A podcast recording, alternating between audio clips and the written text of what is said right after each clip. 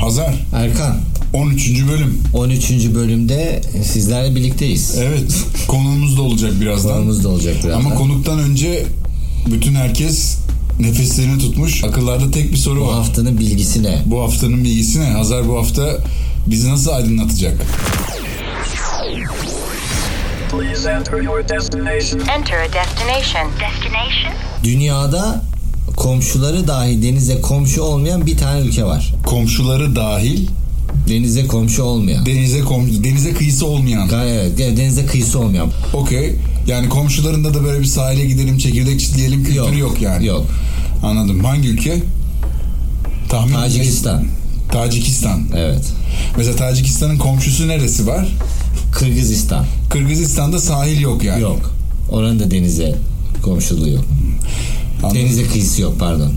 Afrika falan gibi yerler. e, Evet herkes onu düşünüyor. Afrika ülkesi mi acaba? Çok fazla ülke olduğu için orada dip dibe Afrika'nın ortasına doğru falan ama değil. Asya'da. Ama mesela Türkiye'de şehir desen dolu. Dünya şehir dolu ama Şehir bir ülke dolu. olunca Tabii. tek oluyor. Aynen. Teşekkür ediyoruz Hazar. Rica ederim. Haftaya e, yeni bilgilerle buluşmak üzere. Merak ve heyecanla bekliyoruz. Konuğumuzu alalım mı alkışlarla? Alalım. Değerli dostumuz, ünlü yönetmen Taylan Sinan Yılmaz. Başlamadan önce ben Taylan hakkında bir bilgi vereyim. Taylan aslında ressam. Aslen. Değil mi Taylan? Sanat eğitimi, mezunusun. klasik e, eğitimi var, res, resim eğitimi Evet, var. Mimar Sinan Güzel Sanatlar Fakültesi'nde. Şimdi üniversitesi oldu Mimar Sinan Güzel Sanat Üniversitesi resim bölümü mezunuyum. Peki böyle bir resim alanı seçiyor musun resim okurken yani şu Şöyle oluyor, ben hemen şey yapayım. İlk sene resim bölümüne girdiğin zaman ilk sene temel sanat eğitimi alıyorsun. Yani ilk temel sanat eğitiminde de belli temel olarak e, çizimle resimle alakalı şeyler alıyorsun. Tabii yanında şeyler de var. Sanat tarihi, e, işte malzeme dersleri falan. Teorik gibi. daha teorik Te- ders. teo- teorik dersler de var, uygulama dersler de var. İkinci sınıfta atölye seçiyorsun. Şimdi atölyelerin farklı farklı tarzları var. Ee, mesela Özdemir Altan atölyesi vardı. Mesela daha soyut, abstrak şeyler oradaydı. Ben Özer Kabaş e, atölyesindeydim e, o zamanlar. Sonra Mehmet Mahir oldu. Özer Kabaş mesela William de Kooning atölyesinde falan da takılmış. Ama daha modern tarzda bir atölyeydi. Sadece abstrak değil.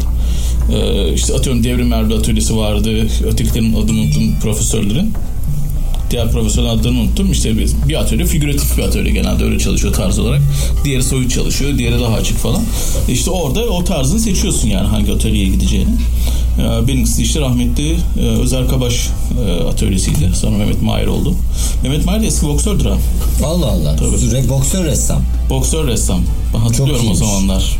İşte gençliğinde boks yaptığını anlatıyordu bana. Ben de bir Şimdi ben bir hikaye biliyorum bu konuda. Tam detayları çok hatırlamıyorum ama TRT 3'te izlemiştim. TRT 3'ün böyle bir hani belgesel gibi böyle bir programlar oluyor ya kısa süre 30-40 dakikalık böyle enteresan bir konuyu anlatıyor. Orada Mimar Sinan Üniversitesi'ne Türkiye Cumhuriyeti kurulduktan sonra 1940'larda falan Art Basel'de çağırıyorlar ilk defa. Art Basel'de o zaman internet yok tabii bilgisayar, komünikasyon bu kadar gelişmiş değil. İnsanlar dünyanın her yerinden gelip sanatlarını orada birbirlerine gösteriyorlar. Diğer ülkelerde orada haberdar. Mesela Amerika'da ne oluyormuş? İşte Alman Evet. adam Art öğreniyor o zamanlar. Türkiye'de çağırıyorlar.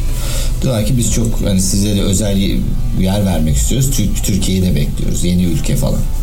İşte Türkler işte Mimar Sinan Üniversitesi'ne tabii bu şey oluyor. Atanıyor bu konuya ve Mimar Sinan Üniversitesi buraya gidiyor. Mimar Sinan Üniversitesi impresyonist bir şeyle gitmeye karar veriyor. Temayla. Gidildiği zaman işte millet geliyor görüyor falan diyorlar çok güzel tablo falan ama diyorlar ki hani biz yani zaten biz impresyonizm yapıyoruz. Hani bizim yaptığımız şeyi bi- bize niye gösteriyorsunuz? Hani biz hani böyle yeni ülke, eski bir ıı, imparatorluk yıkılmış yeni bir ülke, daha enteresan bir şeyler bekledik yani. Bizim yaptığımızı bize gösteriyorsunuz gibi bir yorum alınca o zaman Mimar Sinan Üniversitesi içerisinde çok büyük değişiklik oluyor. Hatta ondan sonra Bedramiler falan o değişikliğinden akabininde çıkıyorlar gibi bir şey duymuştum. Çok ilgincime gitmişti. Yani o genel olarak şey de var. Ee, Bütün sanat şeyinde Avrupa'nın Türkiye'ye bakış açısında e, nasıl gördüğüyle alakalı. Yani mesela şu an Netflix'in kartpostal estetiğine sahip diziler yapmasının sebebi de aynı şey. Ee, ya da işte bu onlara söylediği söz aynı şey. Daha daha otantik, egzotik ve genelde daha sentez şeyler bekliyorlar çıkış olarak. Çünkü temel olarak e, sanatçının içinde bulunduğu yerle şekillenmesine ve onu yansıtması çok yani mesela son dönemde nasıl bütün contemporary sanat dünyasında mesela Çin'den çıkan sanatçılar bir ara bayağı bir Tabii. e, şey patlamıştı. Niye? Çünkü orada daha daha farklı bir yorumlama vardı. Ee, Japonya aynı şekilde. Japonya aynı şekilde. Mesela daha sonra şu an son dönemlerde Afrika'dan çıkan sanatçılar.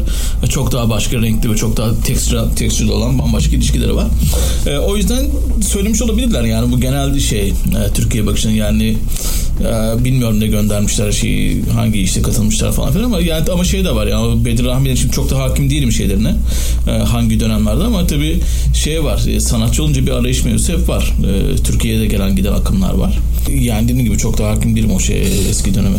Şu an dünyada Türkiye'den bilinen sanatçı kim var? Yani herkesin bildiği müzik olur, e, resim olur. E, Yani eskiye göre çok dünyada fazla insan herkesin var. bilinen. Eskiye göre daha fazla insan var. Eski eskiye göre çok daha fazla insan var. Ee, e tabi internetin faydası var burada. Ee, Dünyada herkes tarafından bilinen Yani dünyada popüler bilin- anlamda Yani dünyada saygı duyulan diyeyim. ya mesela Fazıl Say dünyada çok Mesela müzik Gibi diyorsun. Evet, O aynen onun gibi diyorum. Ha. Resimde ya da s- sinemada zaten Nuri sanatın daha var. az popüler tarafında mı? çok büyük ya şimdi popülariteyle e, respectable olma arasında bir şey var. Bir Ama fark- yani verdiğimiz var. örneklerle Fazıl Say, Nuri Ya Bilge. fa- fazla say öyle ama şimdi fazla say tabii ki yani çok büyük bir yetenek çok ekstrem. Nuri Bilge de mesela yani çok iyi ama Nuri Bilge'nin yanında işte başka yönetmenler de var. Aslında yani işin meraklısı tarafından bilinilen. Refik Anadolu var mesela daha dijital tarafta. New Medium mevzusunda. Benim işten çok sevdiğim Ali Elmacı var ressam. Ee, yurt dışında yaşayan bir sürü ressamlar falan var bayağı Var. şey. Yani çok çok da aşırı hakim değilim dediğim gibi. Ama var da eskiye göre daha çok vardı. E Sen şimdi çünkü- söyledikçe benim de isimler Aynen aynen canlanıyor. şimdi, şimdi live böyle biraz böyle bir Google yapsam çıkar çıkartırım. Yani modacılar da var, e, sinemacılar da var. Şu an Evet, bir şey var, çıkış daha var. var. E çünkü şöyle bir şey oldu. Yani Türkiye'ye giren info, bilgi akışı da internet sayesinde fazla oluyor. Yani şimdi önceden mesela Erkin Kore müziklerinin işte onu konuşuyorduk ya mesela eskiden. Evet, evet, Hepsinin aslında şey olduğu. Ama niye çünkü o zaman? Çünkü insanlara ulaşma imkanı yok. Adam da onları remake bir şekilde e, buluyor. Bir buluyor ve onları. Evet, evet. bir aranjman yapıyor tekrar şey yapıyor. Aslında insanlara buluşturuyor bir şekilde o, o, o estetiği, o güzelliği ya da o parçayı. Ee, şimdi mesela insanlar bir yere gitmeden bütün kapılar açılmış oldu. Yani devamlı bir bilgi akışı. Meraklı olan bir insan doğrusu olur sorduğu sürece e, her şeye ulaşabilir durumda. O yüzden yani sanatçıların başka sanatçıların işlerini görmesi işte senin dediğin gibi art pazara gitmeden de Tabii, şu an tabii. her şeyi görebiliyor insan ve kendisine bir şey olabiliyor. Ama önemlisi bilgiye ulaşmak da çok önemli. Yani insanın kendini tarzını ve e, yapısını şekillendiren bilgiye ulaşması sırf görmekten de ziyade. Peki senin üniversitedeki bu resim eğitimi ardından böyle ressamlık çalışmalarından sonra yönetmenliğe evrilen yolculukta neler var arada? Evet şöyle aslında en, en- başında ben ortaokul e, tabii liseden önce ortaokul zamanında o zaman Gırgır dergisi yeni dağılmıştı ve işte aynı Sovyetler Birliği gibi böyle başka başka Gırgır 5 Turgut Özal. 5 Turgut Özal, 10 Turgut Özal, 15 Turgut Evet, kafası. Ee, Pişmiş Kelle dergisinde ben e, bizim bir aile dostumuz işte Engin Ergüntaş ve Beyçpek'in e, tanıdığıydı. Bir gece onlarla buluştuk ve işte ben yetenekliyim diye e, bu çocuk gelsin bize takılsın dendi ve ben aslında orada biraz masa başında büyüdüm onlarla beraber. Yani hafta sonları oraya gidiyordum, boş vakitlerinde oraya gidiyordum. E, işte o zamanki efsane bir kadro vardı yani Kemal Aratanlar, Otus abiler, ya Engin Ergüntaş, Beyçpekler, Metin Demiranlar falan, Oki. Ee, onların işte mesela Metin Demirhan bir yere bir şey çizerdi. Hadi şuraya siyahları at, şuraya bilmem ne. Onlarla beraber çizim yaparak falan öyle bir e, gerçek anlamda şey bilgisi oldu orada bir e, karikatür. Üzerine resim bölümüne girdim zaten. Ee, resim bölümünden sonra... Önce karikatüre başladın. Tabii ilk önce karikatür. Ama sen karikatür çiziyordun zaten evde falan. Evde falan çiziyordum zaten. Sonra dergide de çiziyordum zaten. Yani Ama dergide daha teknik daha ya bir teknik altyapı yoktu. Sen kendi kendine Tabii tabii yani öğrenmiştin. dergide öğrendim ben çizebilen Anladım. bir çocuktum. Yeteneklimi dergide öğrendim. E, daha sonra dergide çizdim zaten yani en son Hıbır dergisini çiziyordum. Heybeli Maymun'da o zaman. Kaç yıl Ee, HBR Maymun'dayken 96-97 O zaman çizmekten kastımız tabii elle çiziyorsun ve Tabii, elle- evet, gidiyor? e, tabii dergide sabahlıyorduk falan. Yani o şöyle bir disiplini vardı. Onun için ben sinemaya bağlanan noktasını alacağım. Mesela dergide çalışırken her hafta 20 ya da 30 tane espri getirmeniz lazım. içeriye sunmanız lazım. Ki onların içerisinden birkaç tanesi çiziliyor. Bazılarını sen çiziyorsun, bazılarını başkaları çiziyor. Ama tek başına çizim yeteneğinin olması E tabii çizer olman lazım. ha, tabii o ortamın havasını solumana yeterli bir sebep aslında. İlla bir espri yeteneğinin olması şart. Yok, o espri de bulman lazım. Ha, o Çünkü lazım. yani çiz- çizmek başka bir şey. E bazı ba- mesela yani her çizerin kendi tarzı da var. Ee, ama mesela en çok çizgi roman dünyasında var aslında karikatürden ziyade. Mesela çinici var sadece. Sadece kurşun kalemci var. Hikaye yazan var o ayrı bir şey ama yani karikatür dünyasında genelde herkes kendi tarzına sahip. Espri için bulup çizen... şakayı da anlaması lazım çizmesi için. Çünkü E tabi. hani Tabii. Ama şöyle oluyor mesela. Şimdi mesela bizim çalıştığımız dönemde e, mesela Heberi Maymun'dayken o zaman mesela Emre Ablak vardı. işte Deniz vardı. Okan benimle beraber şu an burada işte Okan Usta. E, o benle beraber işte biz aynı zamanda gidiyorduk. Evet, Okan'la şeyimiz orada. Üniversite öncesinde beraber karikatür çiziyorduk. Ee, şey mesela atıyorum benim esprimi işte mesela 20 tane espri buluyorsun ondan sonra ki zaten o espri yani done bulmak oradan espri çıkartmak onu hikaye dönüştürmek zaten ayrı bir mevzu. Tabii. İçeriye sunuyorsun. Diyorlar ki 3 tane seçiyorlar onun içerisinden. Taylan bunu sen çiz, bunu Okan çizsin diyorlar. Bir tane de işte atıyorum Emran esprisini bana veriyorlar. Bunu da sen çiz diyorlar. Anladın mı? Böyle bir şey durum vardı. Ben o zaman ikinci, üçüncü sayfa şeylerini çiziyordum genelde tek tek. Yani senin köşen mi vardı? Yok ben tek karikatürleri çiziyordum orada. Anladım. Daha sonra Çete diye bir dergi oldu. Orada köşem vardı. Ee, arada bir dergi daha var. Ee, Meme. Tek e, şey mi çiziyordun yoksa böyle bir panel kare. hikaye çiziyor Tek kare. muydun? Tek kare. Tek İkinci, üçüncü sayfada çünkü tek kareler olurdu. Bir de ayrı şeyler olurdu, olurdu yani. Hani böyle herkesin sayfası olanlar bilmem ne olan ama kolay değil. Çünkü o zaman o dönemler hatırlarsın dergiler çok revaçtaydı. Yani Çok ben de çok takip yani ediyordum. bir dergide benim çiziyor olabilmem yani şey Tabii. yani her, her hafta böyle yüzlerce şey geliyordu her yerden dünyanın şey dünya diyorum, ülkenin her yerinden e, insanlar gönderiyordu o, amatörler o olarak. dönemlerde de bu karikatür dergilerinde çalışan aynı kafa yapısına sahip insanların ayrılıp kendi dergilerini kurduğu Tabii. dönemleri de geliyor. Tabii. 2004'te falan galiba işte bu Penguen Tabii o, o Le- Lemanlar, dönemlerde. Penguenler bayağı bir onlar ayrıldı. Ayrıldı, O dönemler evet. ben biraz kopmuştum bu dünyadan ama 2004'te işte Çete'de çizdim ben. Ümit'e de çizdim. Ondan sonra Mimar Sinan Güzel Sanatlar Fakültesi e, resim bölümüne girdim. Hatta üçüncü girdim dereceyle. Ama okuldaki şeyim biraz uzun sürdü yani 10 sene kadar. E, 95'te girdim. İşte o zamanlar çok da askere gitme hevesli değildim. Ve zaten genelde Mimar Sinan'ın şöyle bir şey var. Yani aslında genelde sanat okullarında böyle bir şey var benim çok dikkat ettiğim. Okula giren gençler yani özellikle aile içerisinden ilk defa dışarı üniversite zaman çıktıklarında bir de sanatla alakalı gibi bir hassas bir yapıyla çıktıkları zaman kendilerini ilk bulduğu yer aslında sanat okulu. Yani Mimar öyle bir özelliği var. Mimar Sinan 4 senede 5 senede çıkan çok az. Yani ya harbi çok disiplinli düzgün insanlar ee, inek demek istemiyorum. Çok mantıklı planlı programlı ama birçoğu herkes kalıyor yani 7 8 7 sene 8 sene 10 sene falan bunlar çok normal. Çünkü yani ortam güzel. Kendini bulduğun şey güzel. Korunaklı bir alan. Ee, okul böyle tamamen senin gibi insanların olduğu, sanatçıların olduğu, sanatçı yapılan insanların olduğu, çok rahat olduğun bir ortam. Deniz kıyısında.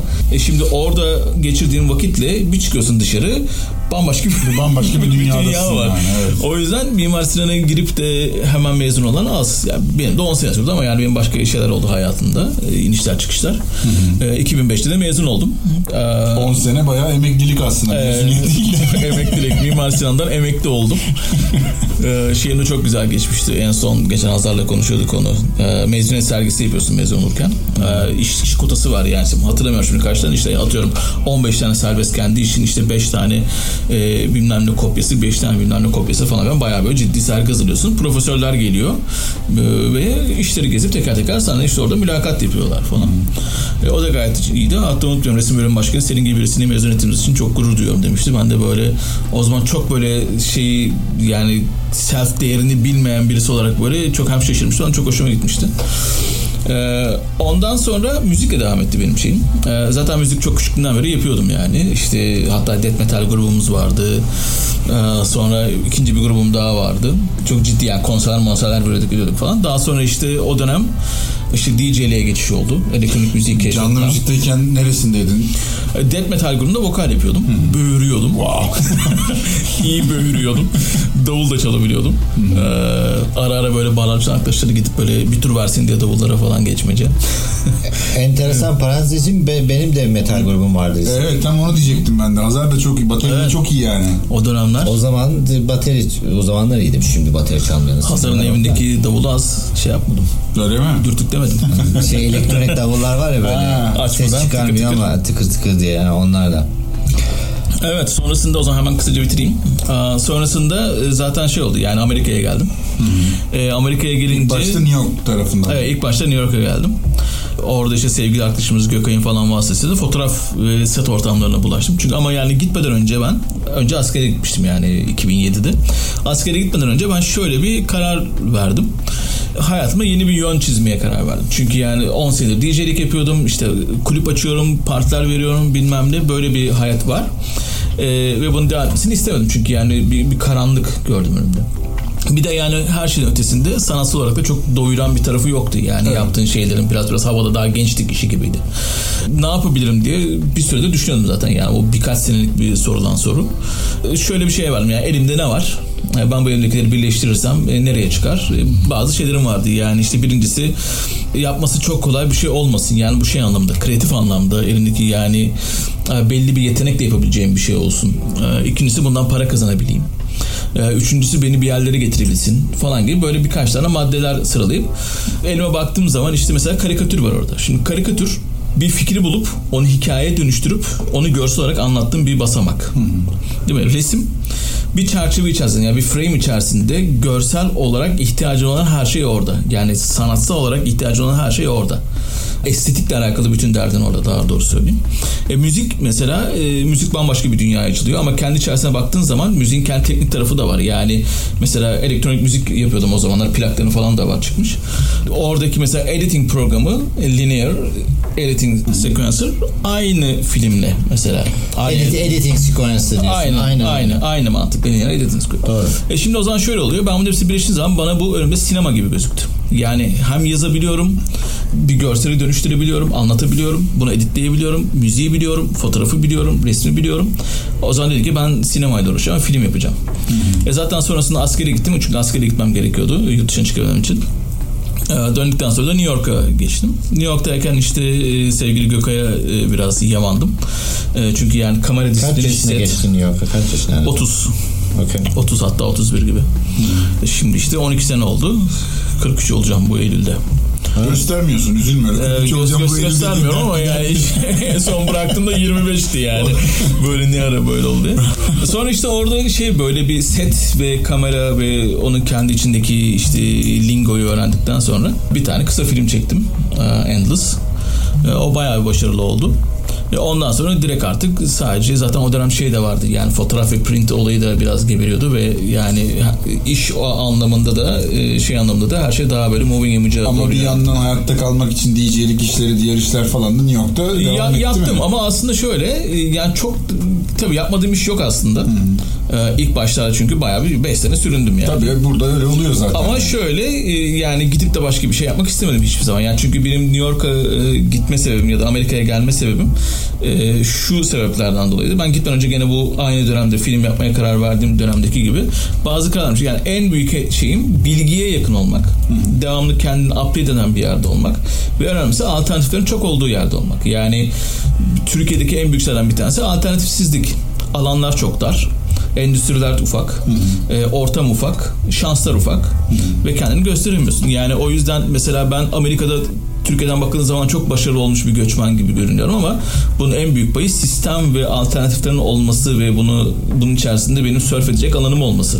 Yani aynı şeyi Türkiye'ye koyarsan Türkiye'de bir sürü insan başarılı olabilir.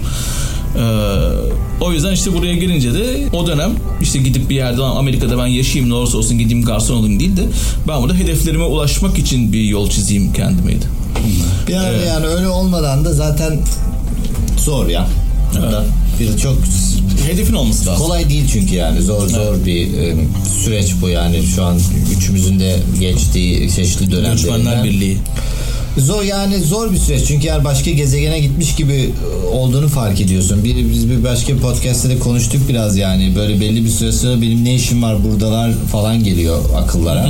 Onları o dönemleri geçmek e, e, önemli burada başarabilmek için. Tabii bir de sen o dönemleri hem çalışıp hayatta kalıp hem de master yaparak atlatmak gibi hani deli işi bir şey. Ama ama ama ama kafanı işte orada değil hemen başka bir şeye gitmen lazım. Herhalde en mantıklı şey bu hani burada yaşayan insanlar olarak belki her alanda için söyleyebiliriz. Yani belli bir yere takıldığın zaman hemen dikkatini başka yere dağıtıp başka bir şeyle uğraşıp aynı süreci e, demek istediğim süreci geçişte master yapıyor olmak zorluktan ziyade yardımcı olmuştur bana aslında demek istediğim. Ama hala geriye dönüp baktığında Çok zor. Zor yani. Çok zor. Zor canım. Ben de ilk geldiğimde okula ilk okula geldim. Çok zor. Öyle mi yani? Tabii. Ha, okey. Ben de okula geldim o şeyi. Ama şey zor yani kendi şimdi endüstri geniş ama endüstri genişliğinin başka bir şeyi var. Hep Türkiye'de aynı e, kıyaslamayı yapıyorum. Mesela Türkiye'de genelde projeleri işi almak bazı noktada çok daha kolay. Ama paranı alamıyorsun mesela. Türkiye'deki yani, Yani konuşmak. evet. yani e, genel bir şey mantığı. Burada herhangi bir işi almak çok zor. Yani portfolyolar savaşı mesela. Ya da hedeflediğin kitleye ulaşamayabiliyor yaptığın iş. Şöyle yani e, atıyorum işte mesela Hazar tasarımcı değil mi? Yani Evet. burada dünyanın her yerinden tasarımcılar var. Tabii. Ben film yapıyorum değil mi? Yani Ridley Scott da bu şu an bulunduğumuz burada gidip mesela Türk Hava Yolları reklamını çekiyor. Ben niye çekmiyorum mesela anlatabildim mi? Yani örnek olarak söylüyorum. David Fincher de burada. E, Basamak basamak aşağıya kadar in. Ben de buradayım. İşte Fransa'nın en yetenekli adamı da burada. Yani çatışma ve çekişme çok zor. Yani Ama belli acaba- bir seviye, seviyede olman gerekiyor. Evet ama acaba Yeter. burada Fransa'nın en yetenekli adamıyla senin ve aynı işi yaptığımızı varsayarsak yapmıyoruz ama e, benim şansım eşit mi? Yani o, o noktada şu mu devreye giriyor? Sen daha yeteneklisin. e, ben daha iyi görüyorum. Orada bizim gerçek bir kapışmamız başlıyor. şu- Türkiye'de birazcık daha hani üçümüzü ortaya koysan muhtemelen Fransa'nın en yeteneklisi zaten o filmi çekti gitti gibi mi? Şöyle e, yani tabii çok daha derin konu genel olarak söylüyorum. Çünkü şöyle bir şey. Şimdi Ben alırım o işi. e, mesela O iş Hazar- bende. o, iş- o iş- Adaylardan da yokum ama ben de. o iş şey. Ya projenin kendisine göre yani e, ama burada demek istediğim şu. e, Türkiye'de işte Ridley Scott da yok. Fransa'daki o yetenekli adam da yok Türkiye'de. Anladın mı? Yani Türkiye'deki çekişme başka bir şey. Buradaki çekişme başka bir şey. Yani Arsenal'da top oynayan bir gurbetçi topçu olduğunu düşün mesela. Şimdi hangi kondisyon, teknik, yetenek, vizyon ve şeyle olmasın ki A takıma girebilesin. Ya ben açıkçası başta bu söyledim ya dünyada ne sanatçılar var. Bana da biraz öyle gibi geliyor. Yani genel olarak 3-5 tane bir isim var. Modada, resimde, müzikte falan ama bir tane iki tane isim var. Bunların çoğu da yurt dışında yaşıyor zaten. Yani Türkiye içerisindeki seviye bana hep böyle bir olması gerektiği yerde değil gibi geliyor. İşte gelişmesi gelişmesi için gerekli olan şeyler, şartlar biraz az. Yani e, her film yapmak isteyen istediği gibi film yapamıyor. Birincisi bu. Ya tamam burada da yapamıyor mesela insanlar. Ama burada e, genel mantalite olarak bir kök daha daha köklü bir endüstri var her şeyde. Yani fotoğrafta da öyle, sinemada da öyle. bir de işi bilen öyle. çok adam var etrafında. E, şöyle oluyor. Deneme yanılmalarla sektöre yön verdikleri için ya şimdi burada sin- sinemanın başlangıcı burası. Anlatabildim mi? Yani bu, bu, bu mahalle hatta. Hatta bu mahalle yani şey anlamı tabii başka yerde başladı ama yani hani Hollywood sinema Amerikan sinemasının başlaması yani dünya sinemasına şekil veren şey olarak. Burası şimdi burada yani kaç yüzyıllarca böyle şekillenmiş bir şey var yani denemeler, yapmalar, formüller, formüller, çalışan şeyler, çalışmayan şeyler. O yüzden mesela sanatçıyı kabul etme, edinme noktası da var öyle. Yani şimdi Park Chan-wook Park Chan-wook olmadan burada gelip bir şey çekemedi mesela. Anlatabildim mi? Yani atıyorum yurt dışından geldin hayvan gibi portfolyon var. Amerika'ya geldim ben Amerika'da iş yapacağım, Amerika'da iş yapacağım dediğin andan itibaren o portfolyoyu çöpe atacaksın. Çöpe atacaksın. Aynen. Yani Hiç kimsesiz. bambaşka kurallar. Anlatmak istediğim şu. Sektörlerin kendi içerisinde çok fazla deneyimlenmiş kuralları var. Yani formülleri çok sağlam. iletişimleri çok sağlam. Türkiye'de ufak. Şimdi e, seyirci potansiyeli daha yeni yeni büyüdü mesela geçen senelerde. Öncesinde çok düşüktü. E, siyasi çalkalanmalar, işte insanlara izin verilen film yapma şekilleri, e, insanların kendi eğitim seviyeleri, vizyon seviyeleri, teknik yani daha yeni 5 5 adet diyeyim 10 sene daha yeni düzgün ekipman ekipman falan Türkiye'de şekillendi. Yani ki onun et- etrafında bütün görsel şey şekillendi. Ki hala mesela bana dünyaca ünlü niye çıkmadı mesela DP o kadar fazla anlatabildim mi? Birkaç isim harici çok DP da fazla. dediğin görüntü Gö- görüntü yönetmeni. Yani hal, o- mesela şu an şu 2020'de çok sağlam genç bir sürü insan var. Çünkü niye yani teknik de girdi, bilgi de girdi. Abi Şanslı bir girdi. 2020-2021'i kapadık. 2022'de artık. 2022 2023. 21'de kapadık mı diyorsun Hazar? Tabii tabii. Hadi ya. Öyle daha yeni yeni bence şekilleniyor Türkiye'nin zamanı ama zaten Türkiye'nin yani sırf sinemayı ya da herhangi bir sanatçıyı Türkiye'den bağımsız düşünmeye gerek yok. Çünkü yani Türkiye'nin kendisi her şeyiyle daha gelişmesi gereken bir. Çok muazzam potansiyel. Anladın mı? Yani, Yani, Türkiye'nin potansiyeline ulaşması daha e, o kadar yani yüzde doksanına ulaşamamış gibi geliyor bana hep evet nedense. evet yani işte ekonomisi düzelecek ki onun getirdiği başka işler de düzelecek. Ee, işte o başka şeyler düşündüğü başka şeyleri etkileyecek. tabii. Siyaseti bilmem ne olacak, ötekisi bilmem ne olacak. Huzur bilmem nesi. Ufak, anlatıp yani her şey böyle ufak ufak ufak ufak değiştikçe, geliştikçe Türkiye'de gelişecek. Ee, ya hala mesela araba yapmaya kalkıyorsun. Bir kızım araba yapma diyor. Ötekisi araba yaptı. ya anlatabildim mi? Ya, bir ülkenin arabası olması lazım mesela. Çok film izliyor musun Taylan? İzliyorsun o yüzden bildiğimden soruyorum. Çok film izliyor musun? Yani Taylan? son dönemde çok fazla izlemiyorum ama genel olarak film izleyen bir insanım. Ben Netflix'i bitirdim. Bitirdim. Onu biliyorum. Sen Netflix'i bitirdin. Ben Netflix'i bitirdim. hepsini bitirdim. Genel dokumentary zaten iki sene önce bitirmiştim. Diziler miziler kısmını da bitirdim. Arada Hint falan filmi de izliyorum. Yani hoşuma gidiyor. Ben de geçen bir tane seyrettim. Ya böyle bir şey olsun, bir şey dönsün ama kafamı çok yormayayım. Arada gözüm kaysın ha ha ha yapayım diye koydum. Bir iki Hint film var. Ama Biliyorum şunu- yani şunu biraz. söyleyelim de hani- Aktörleri falan görsem tanıyorum. Netflix'te belki varsa 10 bin saatlik yayın evde oturup ayaklarını uzatıp izlediğim bir şey değil. Burada bir yandan çalışırken Ben kendimi alıştırdım. Çalışırken hep bir şey izliyorum. Hatta konsantre olacakken Hep de bilgisayar başında Evet. olduğun için sürekli bir şey izler kolu. O yüzden bitirdim diyorum. Bitirdim derken gerçek yani bu söylediğim. Şakasını Evet. söylemiyorum. Senin şey yöntemin var. Ben seviyorum onu. Bir iş yaparken yan tarafta açık ekran ve kulaklıkla devam ediyorsun. Sürekli. Tabii. Bazen ben de giriyorum ona yani şeye. Güzel. De, Tabii ben- konsantre olmamı da sağladı. Bu, bu şeyde de bayağı bir film izliyor. Alman şeyleri falan var. Bu Dark Mark izlemek çalıştım olmadı. Bakamıyorsun tabii altyazılı olunca ama İngilizce ise Evet. e, şey yapabiliyorum. E, Netflix'i de bir şey izleyecek bir şey bulamıyorum artık. De, de- de- getirmeye yer, getirmeye çalıştığım yer orası. İzleyecek bir şey bulamıyorum. Yani Netflix'te 25 dakika bir şey ne izleyeyim diye arar buluyorum kendimi. Hemen mu? tavsiye ediyorum. Mubi. Mubi.com yani Ha, başka bir platform tavsiye Baş- ediyorsun. başka- başka Netflix'te bir şey tavsiye. Criterion Collection'ın şeyi var. Criterion Cri- Collection streamingi Channel. var mı? Criterion Channel var. Streaming giriyorsun canavar Türkiye'den gibi. giriliyor mu acaba Criterion? Ee, Türk- girerler. Türkiye'den de giriliyor. Türkiye'de Mubi var alternatif olarak. Blue TV var işte ama yani tabii onlar gene Netflix Bilmiyorum. yani. Yani siz, siz- siz- film olarak ne var orada? Pooh var ama Hazar Türk yapımı seyretmiyor. Blue, o- ya ben de işte mesela Blue, Blue TV'de en son Alef dizisini seyrettim. Blue, Blue TV'de Alef dizisini seyrettim. Şimdi Caner Erol'un Çıplak var. Çıplak'ı biraz seyrettim. Ee, Netflix'te de aslında biraz kazınca bazı şeyler var. Mesela geçen de Gri Haji diye bir şey seyrettim. Kore polisiye mi bu? Japon polisiye. Heh gördüm. Gri Gri Haji. Şeyimde var o. Japon ve Londra arası. Çünkü alt yazılı değil mi? O alt alt yazılı yazılı. ben şeye attım. Hoşuma, hoşuma gitti yani. Top Boy'u çok sevmiştim. Top Boy çok güzel. abi. Evet. Top Boy bayağı iyi. Top Boy hakikaten güzel yani. e, crime sevenler için. E, şeyler yani ara ara kazınca şeyler var. Yani geçen şimdi adını unuttum ya. Bunları Google'dan bakıp söylemem lazım şeylerini. Japon bir yönetmenin şeylerini seyrettim birkaç filmini falan. Ama tabii genel olarak şey var. Yani Netflix'te Better Call Saul'u seyretmemiştim mesela hiç. İşte Ne geçen düşünüyorsun? ilk sezonu seyrettim. Çok iyiymiş. İlk Ben sezonu ben de ilk sezon izledim. Dördüncü sezonu bitirdim gibi çok sevdim.